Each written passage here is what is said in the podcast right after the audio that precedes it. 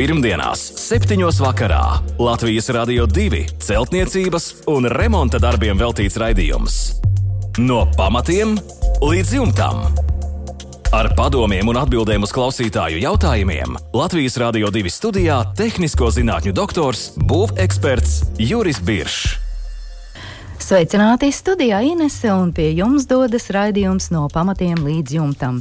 Ar iesūtītajiem jautājumiem ir iepazinies būveksperts, tehnisko zinātņu doktors Juris Biršs un sagatavojis arī atbildes un gatavs sniegt padomus par būvniecības un remontdarbu gaitu. Labvakar, Birškungs! Labvakar! Esam kā alaži darbam gatavi, vēstules un jautājumus izlasījuši, un sāksim šovakar ar Aijas vēstuli. Guļbūves mājai vēlamies izbūvēt jumtistabu, rakstāja. Mājai ir divslīpu jumts, slīpums 45 grādi. Uz jumta ir skrūvēts metāla dakstiņa profils, zem jumta veidināma gaisa sprauga un jumta plēve. Un ājai ir arī pievienojusi jumta plēves attēlu. Kāds būtu tālākais slīpnes pīrāgs? Domājam siltināt ar ekovati vai beramo kokšķiedru vati. Ko jūs labāk ieteiktu, Birša kungs, un jūsu komentāru? Un es saprotu, ka te īsti viss nav gluži tā kā vajadzētu būt. Jā, nu, mazliet tas tā jau izliekas, ka viss ir, viss ir diezgan pareizi, bet jau tas stāstījums uz to, ka ir, ir metāla dakstiņa dakstiņa, skrūvēts metāla dakstiņa profils, tas ir viens no atslēgas vārdiem, kas mums reiz saka, ka šāda tipa jumtiem, kas sastāv no atsevišķiem gabaliem un sas, sasaistīti ir kopā ar skrūvēm, veidojas savienojums šūvis, par kurām var iekļūt iekļūt zem, zem jumta seguma smalks pulvera veida sniegs. Redziet, visiem citiem jumtiem, kur ir nepārtraukti, tāds nevar būt. Līdz ar to mainās jumta konstrukcija. Nosacījumi mainās. Nosacījumi mainās. Un šajā gadījumā, ja mēs skatāmies Tā tad ir šis uh, dakstiņa profils, zem jumta veidināma gaisa sprauga, tātad vismaz nu, teiksim, 3 līdz 5 cm gaisa sprauga un jumta plēve. Vat redziet, jumta plēve ir tāds nenoteikts jēdziens. Vienreiz viņa var būt difuzijas plēve, citreiz Citā konstrukcijā viņi ir, ir teiksim, tvaikizolācijas plēve ar antikondensātu pamatu. Ceturtā viņi ir vienkārši difuzijas plēve ar, ar, teiksim, ar, ar anti, antikondensātu pamatnā atsevišķi.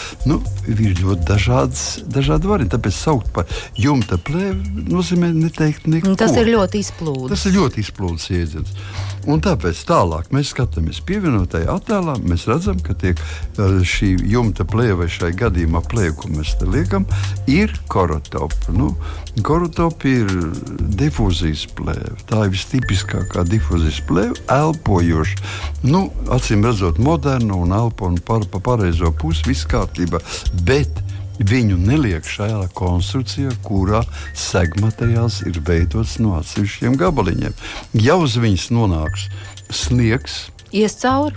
Viņš ne tikai ies cauri, viņš vienkārši sasals. Saprotiet, šis sniegs sasals, un šajā gadījumā mums vispār nekas vairāk neies cauri. Jo cilvēks jau zivis neelpo caur ledu, ja cilvēks tāpat nevar caur elpu. Tas nozīmē, ka uh, šī difūzijas plēves īpaši pazudīs. Zināmos apstākļos tas nav pieļaujams. Tāpēc šeit būtu vietā Tvaikizolācijas plēve ar antikondensāta pamatni. Tātad plēve, kas neko no augšpuses nelaiž absolūti neko cauri, no apakšpuses arī nelaiž neko cauri, bet ir tādi tādi mazi matiņi, kuros var ieķerties kondensāti, teiksim, mitrums, kondensējušais mitrums, un viņš šajā gaisa telpā arī izžūst pēc tam. Tā kā Bet tas nozīmē, ka mums mazliet konstrukcija jāmaina. Un tāpēc sāksim sekojuši vēlreiz aijai. Jums ir vajadzīgs metāla šis skrūvējamais daktiņa profils, pēc tam gaisa sprauga. Pēc tam mums liekam citu plēvi. Tātad tvaika izolācijas plēve ar antikondensātu pamatni brīvi iekarām, brīvi. Lai, teiksim, ja starp spārēm ir 60 cm, tad apmēram 2 cm iekārta. Ar tādu. Jā, ar veideriņu, jā. Un zem viņa ir zemākajā vietā, kur veideriņš ir zemākā vieta, 3 cm gaisa spraugu. Tagad parādās, un zem šīs gaisa spraugas ir korotopa. Mums pašreizējā konstrukcijā trūkst, ja būtu veidots teiksim, metāla profils uz valsts profils. Jā, nu, jā, būtu kārtībā. Nebūtu, nebūtu šīs vietas, kur skrūvi savienojumi, un mēs iztiktu ar vienu spraugu. Šajā gadījumā ir divas spraugas.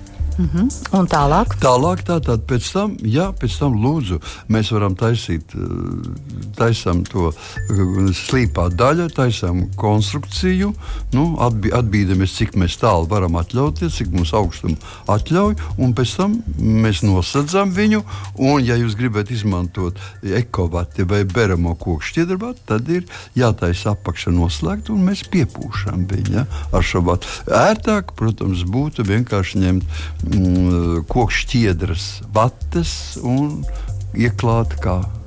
Nu, kā plāksnes, ieklāt. tā būtu mhm. vienkārši vienkāršāk strādāt, bet darīt to var. Jā, paldies, Virškungs, par atbildē. Māris jautā un raksta. Vai jūs ieteiktu silto grīdu montēt plātnes pamatos, betona plātnē bez papildus siltinājuma kārtas, pienosacījumu, ka pamatu plātne ir kārtīgi nosiltināta, bez augstuma tiltiem. Arī māja būs kārtīgi nosiltināta. Ja šī betona kārta ir 200 mm, Māris ir dzirdējis, ka šādam risinājumam būs pārāk liela siltuma inerce un siltinājums mājā nebūs regulējams. Vai tā tiešām ir? Nu, īstenībā, jā, tur nekā nevaram teikt. Katrā gadījumā elektropatēriņš būs nedaudz lielāks nekā mēs viņu uh, atsevišķi darītu. Es pilnīgi labi saprotu, betona plātne 200 mm, tas ir 20 cm betona bieza. Jā, pamatīgi. nu, lai viņu no apakšas vajadzētu 70, nu, 70 apmēram milimetru mm, ekstrudētu putu polistirolu nekādā gadījumā ne vairāk. Visi tie, kas liek divus, divus, 20 centimetrus, to siltumizolāciju, tas ir priekš kurmju siltināšanas. Nevis cilvēkam, cilvēkam pēc normāla rīķina rēķinot, ir apmēram 70 mm. Ar, to, ar tiem pietiek, lai mēs izolētu, nebūtu nekādi augstuma tilti. Un, un īstenībā jau tikai ziemā mēs izmantojam apsildāmo grīdu. Tad arī būs silts, un tad būs tie nelielie elektrības zudumi. Bet vasarā, nu, vasarā ir plātne, mums ir vēsa, augsta un patīkama augsta grīda. Jā. Jā, paldies par atbildi Mārim. Inters raksta divi stabu dzīvoklis pirmajā stāvā, divu stāvu mājām. Mājas koridorā un istabās ir nepatīkama smaka. Zem koridora ir pagrabs. Tajā uz grīdas ūdens gan nekrājas. Uz dzīvokļa sienām arī nav pelējumu. Un Inters ir zināmā mērā izmisumā, ko var darīt, lai likvidētu smaku pagrabā un arī dzīvoklī, un vēl jautā, kurā gada laikā būtu labāk veikt pagraba remontu. Nu, droši vien remonts ir nepieciešams, ja mm, smakas avots ir jā, pagrabs. Jā. Es domāju, ka vispirms iesāksim ar beigām un to, ka veikt pagraba remontu pašreiz nu, īpaši patīkami nav. Baigi veikt tajā momentā, tajos laika mēnešos, kad ir lielāks sausums. Tomēr, ja? tomēr tie, un, kas attiecas par smakām, tur ir ļoti grūti ko teikt. Smakas tāpat tās neveidojas. Tas nozīmē, ka notiek kaut kādi bioloģiski procesi. Ja tā ir ilgstoši, ja, ja tas ir īss brīdis, tikai kādu mēnesi, tad varētu būt kāds grauzais nobeidzies un tam līdzīgi. Bet, ja šis, šis smaka ir ilgstoša, tas nozīmē, ka tomēr ka notiek kaut kāda bioloģiska sadalīšanās. Un šeit ir jautājums, kuru nav Inters mums paziņojis, vai pārsegums ir koka vai ķieģeļi vai betons. No tā liels, lielā atkarīgs. Ja mums ir no koka, tad vienkārši ir, ir eh, šie pārsegumi, tad mums vienkārši ir vai no jāmaina, vai vienkārši jāskatās, kurā vietā tad ir tie tas koku sadalīšanās iekšā. Ja ir no, no ķieģeļiem vai no betona, un tomēr notiek šīs zināmas smagas uzkrājas, tad ir jāplēš līdz pašam betonam visa grīda nost un jāskatās, kura, kurš slānis no grīdas ir tas, kas rada, rada šo smagu. Tāpat tas viņš galīgi nav, nav iespējams būt. Ja nevaram neko tam līdzīgu atrast, nu, tad, ir, tad ir grūtāk. Tad ir apmēram jāmin kas tur varētu būt. Vai tie ir ogļūdeņraži, vai jādomā mazliet varbūt ir vēsture, varbūt tajā pagrabā ir kaut kāda, kaut kāda ķimikālijas bijuši agrāk, vai kas.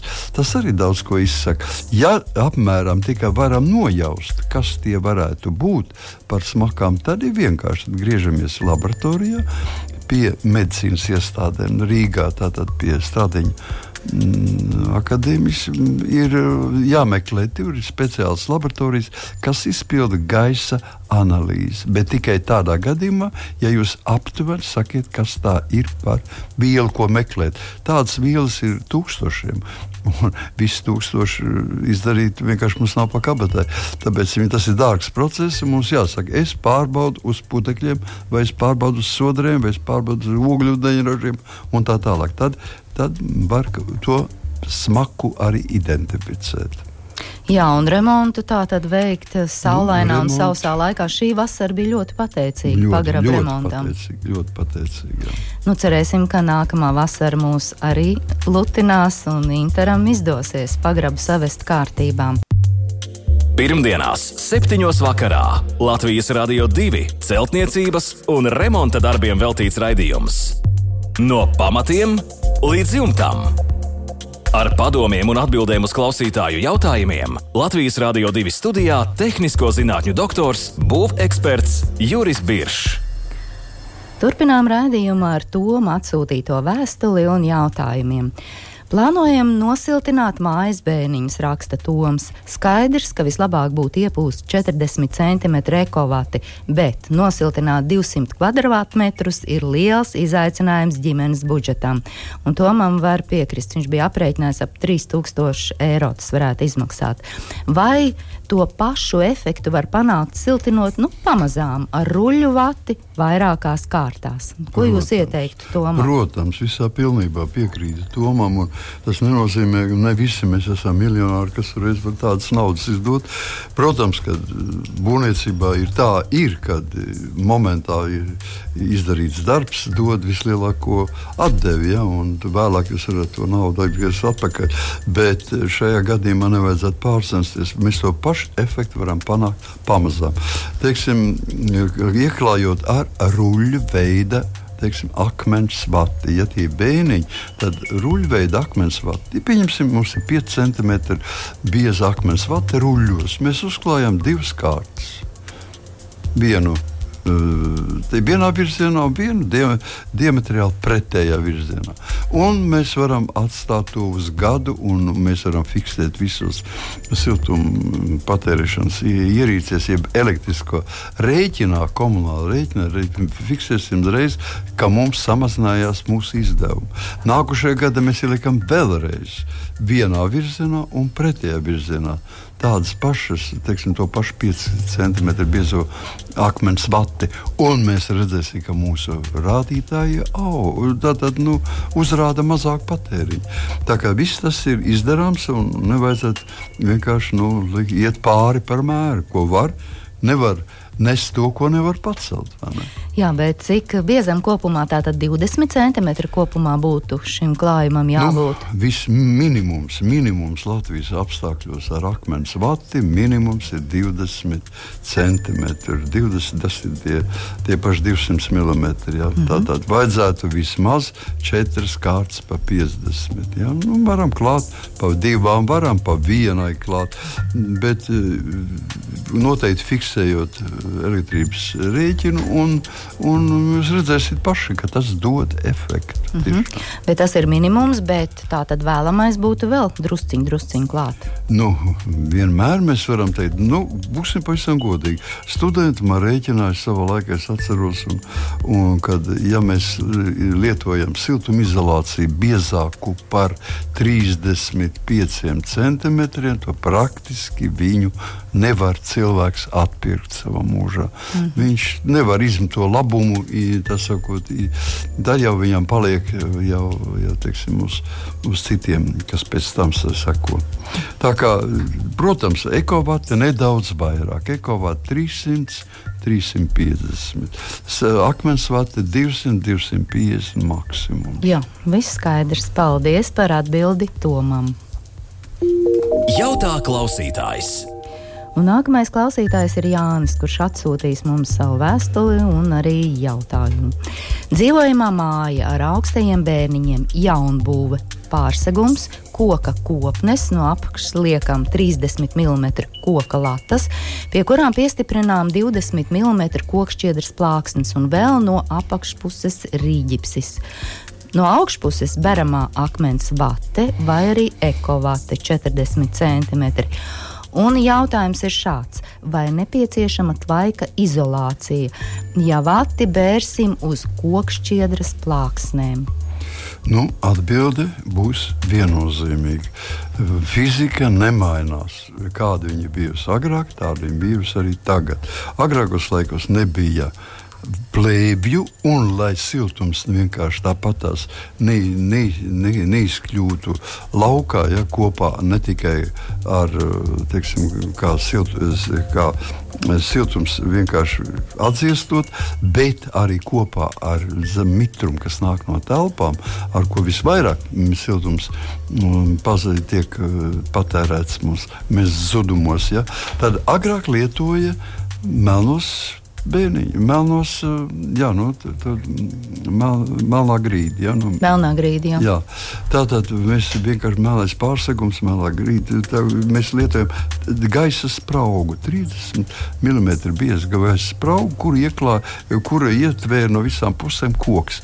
Un tātad viss tas mitrums, kas no siltums pacēlās uz augšu un radās šajā telpā. Viņa siltums nu, aiziet ātrāk vai vēlāk, iz, izkļūst ārā arī caur visu siltumu izolāciju, bet mitrums uzsūcās kokā. Mūsu laikos mēs mēģinām šo koku aizstāt ļoti bieži ar plēvēm. Tā kā vai nu pielietojiet plēvi vai melnos griestus. Ja? Tā kā paliek obligāti šis jautājums. Tvaika izolācija ir nepieciešama. Mm, vienalga, vai viņa būs kā melnie griezti vai kā plēve. Jo vēl varbūt tas vienīgais, ko vajadzētu pievērst uzmanību, ja pielietojam plēves, tad plēve nevar atrasties gulēt uz šiem materiāliem. Ja? Tā tad plēvei jābūt ir izolētai no, gan no mm, mīkstām kokšķietu plāksnēm, gan no riģipša. Tātad, ko vēl te varētu? Tas ir eh, ar vismaz pus, pus teiksim, 5, 6 mm attālumiņš jāiztur. Tas, ir, tas rada šo sarežģītību, un tāpēc ļoti bieži daudz cilvēku tik un tā turpina pielietot melus griezus. Tas ir vienkāršāk konstrukcija. Un šajā gadījumā būtu arī iespējama vēl konstrukcija, ja jums rīģipsi starp rīģips un mīksto kokšķieru plāksni, mēs veidojam šos melnos griezus, paceļam uz augšu. Starpā 30 mm. Bet arī jāskatās, kā ir sāna konstrukcijas. Viņas nedrīkst būt savienotas ar, ar telpām. Un tad varētu arī veidoties bez plēves konstrukcija. Uh mhm. -huh. Jā, paldies par atbildi Jānim. Beidzot, mums bieži kungs ir jātiek galā ar jautājumu, kuru mums ir atsūtījis Sandis. Un tā ir Līvāna māja uz ārsienām gadu nostāvējušas OSB plāksnes. Un tagad Sandis vēlas māju siltināt, un siltināt ar akmens vati. Un kāda ir darba secība un kā to darīt? Ārsienas gadu nostāvējušas OSB plāksnes. Jā, nu, OSB plāksnes, nu, tas ir skaidrs, ka Lībāna mājā viņas ir bijušas. Tās ir šajā gadījumā nu, mainītas, bet tik un tā gadi jau pastāvējuši. Viņš jau ir eh, vairāk saulaidīgas nekā, teiksim, pilnīgi jaunas. Ja? Tātad laika zops un tā skaitā saule ir eh, pastrādājis savu, un viņas jau palikuši ir vairāk uh, caurlaidīgas. Jo OSB plāksnes nevarētu lielīties, ka viņas būtu ļoti labas, uh, teiksim, gaisa caurlaidīgas konstrukcijas. Īpaši mitros apstākļos viņas piebriest un, un slikti laiž cauri mm, teiksim, elpošanas iespējas. Bet šajā gadījumā teiksim, to varētu atļaut. Sliktākā gadījumā mēs varētu arī vēl nu, viņas nedēļu pirms jūs klājat virsū, pirms Sandrs klāja virsū šo akmens vati, varētu viņus mm, perforēt ar vienkārši ar urbi, perforēt šur tur. Nelielos daudzumos, teiksim, uz kvadrātmetru vismaz kādas desmit caurumiņas uztaisot. To tas būtu iespējams. Un tālāk tiešā veidā mēs liekam virsū akmens vadu. Vienkārši klāt. Vienkārši klāt. Jā. Šajā gadījumā, ja mums ir jā, jā, jā, viņu jāliek klāt, mēs varam viņu gan līmēt, tas ir ar līmju.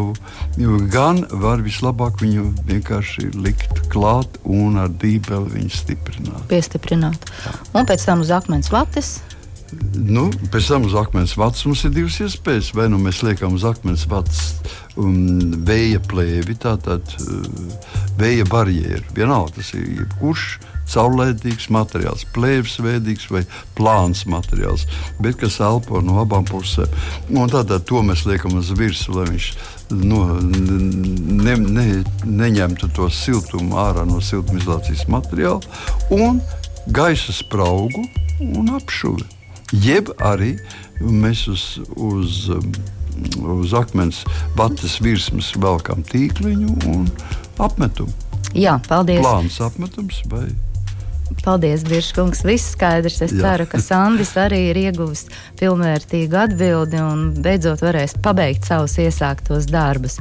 Bet līdz ar to mūsu raidījums šovakar tuvojas izskaņai atgādināšu mūsu e-pasta adresi remonts at lr2.lv. Sūtiet jautājumus, pievienojiet fotoattēlus. Jautājumus varat iesūtīt arī caur mūsu Latvijas Radio 2 mājaslapu un noteikti izmantojiet arī Latvijas radio arhīvu un sociālās platformas, savus iecienītākos podkāstus. Bet šovakar gan, lai jums jauks, mierīgs, rudenīgs vakars un uz tikšanos pēc nedēļas. Visu labu! Pirmdienās, 7. vakarā Latvijas Rādio 2 celtniecības un remonta darbiem veltīts raidījums. No pamatiem līdz jumtam! Ar padomiem un atbildēm uz klausītāju jautājumiem Latvijas Rādio 2 studijā - tehnisko zinātņu doktors, būveksperts Juris Biršs.